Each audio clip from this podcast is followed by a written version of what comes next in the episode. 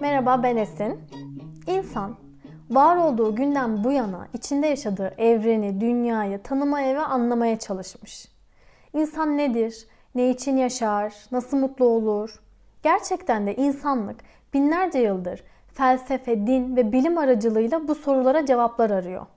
Sene 2021 hala bu konular konuşuluyor. Ben de bu konuyu konuşmak istiyorum. Ama bu konuşmayı yaparken İnsan Olmak kitabından ve son dönemde izlediğim bir program var. Ondan bol bol referans alacağım. Kitap İnsan Olmak. Göstereyim hemen. Psikiyatri profesörü Engin Geçtan tarafından yazılmış bu kitap. Ee, ben daha ön sözünde altını çizmeye başladım kitabın. E, sanki e, konuştuğumuz konuları günlük hayatta ve sorduğumuz sorulara cevapları bir araya toplamış gibi geldi bana. Ben çok sevdim kitabı. İzlediğim dediğim program da şu. Konukları ve konusu şu daha doğrusu. Yazar Yalın Alpay, e, gelişim psikoloğu Ayşe Bilge Selçuk, Profesör Doktor Ayşe Bilge Selçuk, nöroloji uzmanı Timur Yılmaz. E, hayatın, insanın anlam arayışı üzerine sohbet ettiler. Çok güzel bir sohbetti. Ben de e, hayatta kalma güdüsü, isteği fazla olan bir insanım. Mutluluk ve anlam arayışı içinde bir insanım. Ve bu konuları araştırırken de okumadığım bir sürü kitap olduğunu gördüm ve popüler kitaplardı bunlar. Ve birçok bilgiyi de bilmediğimi fark ediyorum tabii ki. Dedim ki galiba ben bu konuyu konuşmamalıyım. Ama sonra geçenlerde bir arkadaşım bana şöyle dedi. Çok iyi iyinin düşmanıdır. Hem bu mantıkla hem de o kitapları okuduğumda tekrar konuşabileceğimi bildiğim için konuşmaya karar verdim. Bana gıcık olabilirsiniz ama ben küçükken kendimi çok mutlu hisseden bir çocuktum nedense. Hatta diyorum ki alan ben çok iyi şartlar altındayım. Demek ki benim başıma bir şey gelecek. Yani bu kadar mutlu olmamalıyım diye düşünüyordum. Ama zaten sonra sonra o mutluluk zaten sürekli olabilecek bir şey değil de o iyi hissetme hali azalmaya başladı. Özellikle de işe başladıktan 6-7 ay sonra böyle içimde bir boşluk hissi oluşmaya başladı. Bir anlamsızlık hissi oluşmaya başladı. Bunun nedenini de İnsan Olmak kitabında şöyle buldum. Cevabını daha doğrusu. İnsan doğada tek başına güçsüzken diğer insanlarla birleşiyor, toplumları oluşturuyor ve güçleniyor. Ama böylelikle doğadan kopmuş oluyor. Daha sonra bu toplumlar gelişiyorlar. Ha, teknolojiyle daha da hızlı gelişiyorlar. Sonra bu gelişmiş toplumlarda da bazı sorunlar ortaya çıkıyor. Refah düzeyine ulaşmış bireyler bolluk karşısında boşluk, anlamsızlık ve yabancılaşma gibi ilk defa böyle duygularla karşılaşıyorlar. Daha sonra bu bireylerden bazıları bu e, hızlı değişime, teknoloji çağına tepki gösteriyorlar ve e, karşıt kültür akımı oluşuyor. Hemen burada bir bilgi girmek istiyorum. Bu karşıt kültür akımlarını oluşturan gruplar, azınlıklar genelde şiddet yanlısı gruplarmış. Ama ilk defa barışçıl olarak çıkan bu e, karşıt kültür akımı grubu hippilermiş. Hippiler e, denetimsiz bu hıza karşı, teknoloji çağına karşı insanların doğaya tekrar dönmesi gerektiğini savunuyorlar. Ama atladıkları yani gözden kaçırdıkları bir şey var. Artık doğaya dönmek için çok geç kalınmış. Hatta insanlar uzaydaki yaşamları araştırmaya başlamışlar. Bu bilgi geçtikten sonra e, kendi toplumumuza döneyim. E, Türk toplumu gibi yani bazı toplumlar geleneksel değerlerinden daha tam kopamamışken hızlı kentleşmeyle, yabancı ülkelere göçle ya da e, internet sayesinde bütün insanların aynı anda aynı bilgilere ulaşmasıyla sindirilememiş bir gelişmişlik yaşıyor. Bu da bireylerde şöyle bir şey oluşturuyor.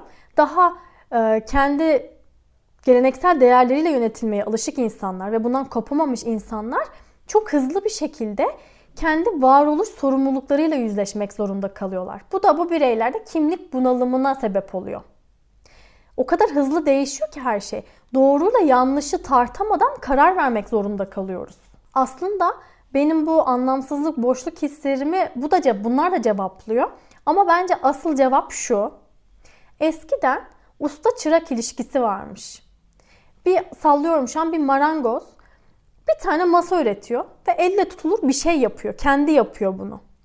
Daha sonra bu bilgilerini çırağa aktarıyor. Çırak da aynı şekilde yapıyor. Yani bu ayakkabı ustası da olabilir, başka bir şey de olabilir. Ama şimdi günümüzde bir masa yapımını düşünelim mesela. Bir üretim bandına e, önce masanın tablası geliyor diyelim. Sonra biri vidasını sıkıyor. Biri işte masanın ayağını yerleştiriyor. Hatta bazen insan yerine bunu makineler yapıyor. Yani önceden elle tutulur bir şey yapabilen insanlar şimdi bir şeyin çok küçük bir yerine dokunabiliyor. Hatta kendimden örnek vereyim. E, mimarlık ofisinde çalışıyorum ve çok büyük bir proje var diyelim ki. E, ben o projenin sadece tuvaletlerindeki seramikleri çizebilirim. Yani çok küçük bir parçasına dokunmuş oluyorum. Elle tutulur bir şey elde edemiyorum. Bu da neymiş? Bireyi sistemin içinde hiçe indirgeyen bir durum. Bu da insanda kopukluk hissine sebep oluyor. Aslında çağdaş toplumların en büyük ruhsal sorunuymuş bu. Ben de tam bu sebepten yani bireyin sistemin içinde yerinin hiçe indirgenmesinden dolayı bu hisleri yaşadığımı düşünüyorum. Ama bir süredir kendimi daha iyi hissediyorum. Çünkü hani işe yarar bir şeyler yapıyormuşum gibi hissediyorum ama keşke şöyle havalı bir hikayem olsaydı. Ben önceden beyaz yakaydım ve yönetici pozisyonlarında çok iyi pozisyonlarda çalışıyordum. Çok iyi paralar kazanıyordum ama e, her şey bana çok boş geliyordu. Daha sonra hayatın anlamını buldum ve şu an çok iyiyim demek isterdim ama ne hayatın anlamını buldum ne de önceden çok iyi pozisyonlarda çok iyi paralar kazandım. Ama yine de şu an daha iyi hissettiğim bir gerçek. Tabii şunu da demiyorum. Hepimiz işi bırakalım, herkes hobileriyle ilgilensin. Çünkü ya bunu yapmak belli riskleri almayı gerektiriyor. Yani e, finansal zorluk gibi, başarısız olma ihtimali gibi riskleri göze almak gerekiyor. Tamam, anlamsızlığın nedenini anladık ama ne yapacağız? Ya önce kendin olmak, kendini bulmak, kendini gerçekleştirmek ne bunu konuşalım. Bir insan doğar doğmaz net sınırları, eğilimleri var mıdır yoksa bunu sonradan biz mi oluştururuz? Hatta Yalın Alpay programda diyor ki insanın özü var mıdır yoksa insan kendini inşa mı eder? Engin Geçtan da diyor ki kitabında insan doğduğunda yapıcı ve yıkıcı eğilimleriyle doğar ama bunu daha sonra ailesiyle, çevresiyle yani dış etmenlerle bu eğilimlerine yön verir. Ama çocuk doğduğu anda daha ben kavramını oluşturamaz. Bir süre sonra kendini dışarıdan farklı biri olarak hisseder. Aynı şekilde Timur Yılmaz da nöroloji uzmanı diyor ki e, bir çocuk doğduğunda annesini kendisinin uzantısı zanneder. Daha sonra kendisinin ondan farklı olduğunu hisseder. Ama hepsinin ortak bir e, söylediği bir şey var. Bir insan kendini ailesinde oluşturmaya başlar. Hatta bunu Gülseren Budayıcıoğlu'nun kitaplarında da görüyoruz. Şimdi hepsi kitapları uyarlanıyor dizilere.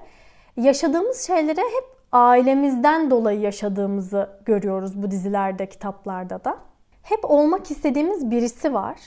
Ve bunun içinde önce seçemediğimiz ebeveynlerimize rol model olarak alıyoruz. Daha sonra da seçtiğimiz kişileri rol model alıyoruz. Bunları da arkadaşlarımızdan, çevremizden, takip ettiğimiz insanlardan, okuduğumuz kitaplardan, izlediğimiz filmlerden buluyoruz.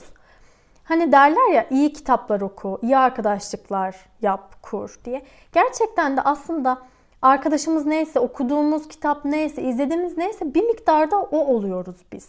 Aslında özgür irade de bu demek bence. Hani kendini oluştururken seçtiklerin konusunda özgürsün. Ama bu da tartışılır çünkü en başta ilk rol modellerimiz olan ailemizi seçemiyoruz biz. Ama yine Engin Geçtan kitabında diyor ki Evet, kötü aileye doğan bir e, çocuğun da eğilimleri o yönde olacaktır ama bu kesin bir e, yazgı değildir. Çünkü insan ölene kadar kendini gerçekleştirmeye çalışıyor. Yani geçmişimiz böyle, benim ailem böyle, o yüzden ben de böyleyim deyip önümüzü kesmemize gerek yok. Peki anlam? Biz ne için yaşıyoruz? Yani bir anlam var da bunu bulmalı mıyız yoksa bir şeylere biz mi anlam yüklemeliyiz? Yine Yalın Alpay diyor ki anlam gelecektedir. Ya bana bu çok mantıklı geldi çünkü yaşadığım şeylerle söylediklerini bağdaştırabildim. Diyor ki insan birisi olmak ister. Ama tek birisi de değildir. Çünkü annesinin yanında başkadır, çocuğunun yanında başkadır, eşinin yanında başkadır. Ama olmak istediği aslında bunların hiçbirisidir. Olmak istediği kişi düşlediği kişidir diyor. Ve bir insan dünküyle bugünkü aynı değildir bir insanın. Bu değişim zorunludur diyor. Ya hayatın akışının içinde de bazı e, mücadeleler vermek zorundayız diyor.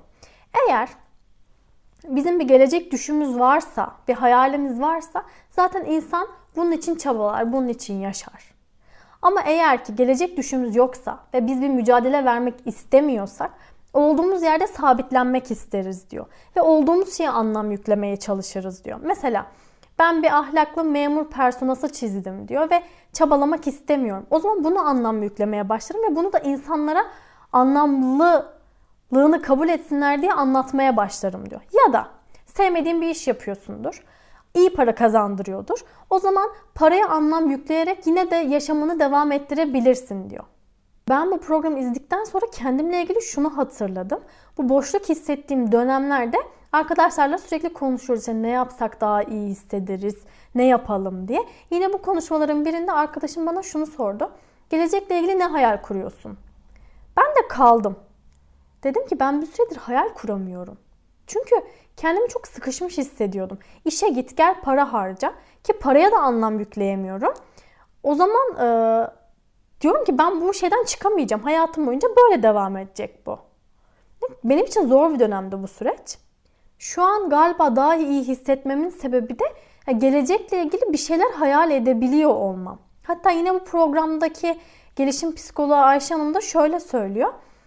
Sağlıklı olan şey insanın geleceği düşleyip şu anda yaptıklarına odaklanması. Hatta öyküsel benlik diye bir şey öğrendim. Hani biz geçmişimiz böyle artık değişemeyiz gibi bir şey düşünüyoruz ya. Öyküsel benlik şuymuş benim anladığım kadarıyla. Hayatımızdaki yaşadığımız küçük küçük parçaların bulunduğu, kesitlerin bulunduğu, duyguların bulunduğu beynimizdeki bir alan. Bunu da şöyle örnekliyor Yalın Alpay. Ee, karısının aldattığını öğrenen bir adam örneği veriyor. Adamın aklında geçmişe dair ilişkisi var bir de geleceğe dair ilişkisi var. O an şunu düşünüyor öğrenmeden önce aldattığını. Geçmişte işte Bodrum'a gittiği seyahati düşünüyor, işte yaşadığı güzellikleri düşünüyor. Gelecekte de güzel bir şeyler hayal ediyor ilişkisiyle ilgili diyelim. Ama aldatıldığı gerçeğini öğrendiği andan itibaren hem gelecekteki ilişkisi değişiyor hem geçmişteki ilişkisi değişiyor. Gelecekte artık iyi bir şey düşünemiyor. Geçmişteki kötüleri hatırlamaya başlıyor. Diyor ki evet iki sene önce bana böyle böyle yapmıştı. Ben şu mesajını da görmüştüm demeye başlıyor. Yani geçmişimiz de sabit değil, geleceğimiz de sabit değil. O yüzden yani bizim hayal kurarak şu anda yaşamamız gerektiğini söylüyorlar bence. Ben böyle anladım. Hatta Timur Yılmaz yani nöroloji uzmanı da diyor ki evet övgüsel benlik bir zorunluluk ama bizim yazgımız değil. Çünkü öyküsel benliğe yakın bir yerde ana kanalize olmamızı sağlayan bir alan varmış beyinde. Ve bu da geliştirilebilir bir alanmış. Yani mesela sabahları kalkıp yaptığımız 5-10 dakikalık bir nefes egzersizi buranın gelişmesine sebep oluyormuş. Yani sağlıyormuş. Hatta son zamanlarda popüler olan mindfulness, bilinçli farkındalık akımı da aslında buna yarayan bir akım bence. Çünkü bu da e, ana odaklanmamızı sağlayan egzersizlerden oluşan bir akım. Bu da destekliyor o alanı. Yani şu ana kadar konuştuğum şeylerden benim kendime çıkarttığım şey şu. Ben hayal kurabildiğim sürece şu anımı güzel ve anlamlı kılabiliyorum. Eğer hayal kuramıyorsam orada değiştirmem gereken, risk almam gereken bir şeyler olduğunu biliyorum artık. Ama bilmek önemli mi? Bilmiyorum. Çünkü eyleme geçmediğin sürece bir işe yaramıyor. Mutsuz kılıyor seni. Mutsuz demişken de nasıl mutlu olacağız? Mutlu olmamız nasıl mümkün? Bununla ilgili bir şeyler de okudum. Ee, bunun araştırmaları yapılmış. Hatta ama mutluluk uzun sürebilen bir şey değil zaten de iyi ve huzurlu yaşamak nasıl mümkün? Harvard Üniversitesi'nin insanlar üzerinde 75 yıl boyunca yaptığı bir araştırmanın sonucunda şuna varılmış. İnsanların mutlu olmasının temelinde, temelinde ilişkiler, bağlar olduğu sonucuna varılmış. Yani bir insanın mutlu olması için çok iyi para kazanması, çok iyi yerlerde çalışması daha az önemli kalıyor ilişkilerin yanında. Güçlü, güvenebileceğin ilişkilerin olmasıymış önemli olan şey. Mesela biz bir karantina, pandemi süreci geçiriyoruz ve bu süreçte fiziki mesafemizi korumaya çalışıyoruz. Teknoloji sayesinde yine de insanlarla iletişim kurabiliyoruz ki bundan bile şikayet ediyoruz. Dokunamadığımız için, sarılamadığımız için. Bir de düşünelim teknolojinin olmadığını ve insanlarla böyle iletişim kuramadığımızı. Şu anki halimizden çok daha farklı olurduk. Yani akıl ve ruh sağlığımız şu anki gibi olmazdı diye düşünüyorum. Gerçekten hani ilişkilerin ne kadar önemli olduğunu anladık bence zaten bu süreçte.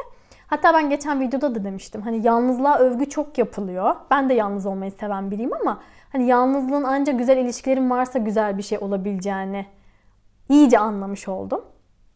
Belki kendi çapımızda başka bölümlerde yalnızlıkla ilgili de okur, araştırır, konuşuruz diye düşünüyorum. Ve ben dinlediğiniz için teşekkür ederim. Eğer kendinizi gerçekleştirmek, iyi yaşamak gibi bir niyetiniz varsa umarım iyi bir şeyler anlatabilmişimdir.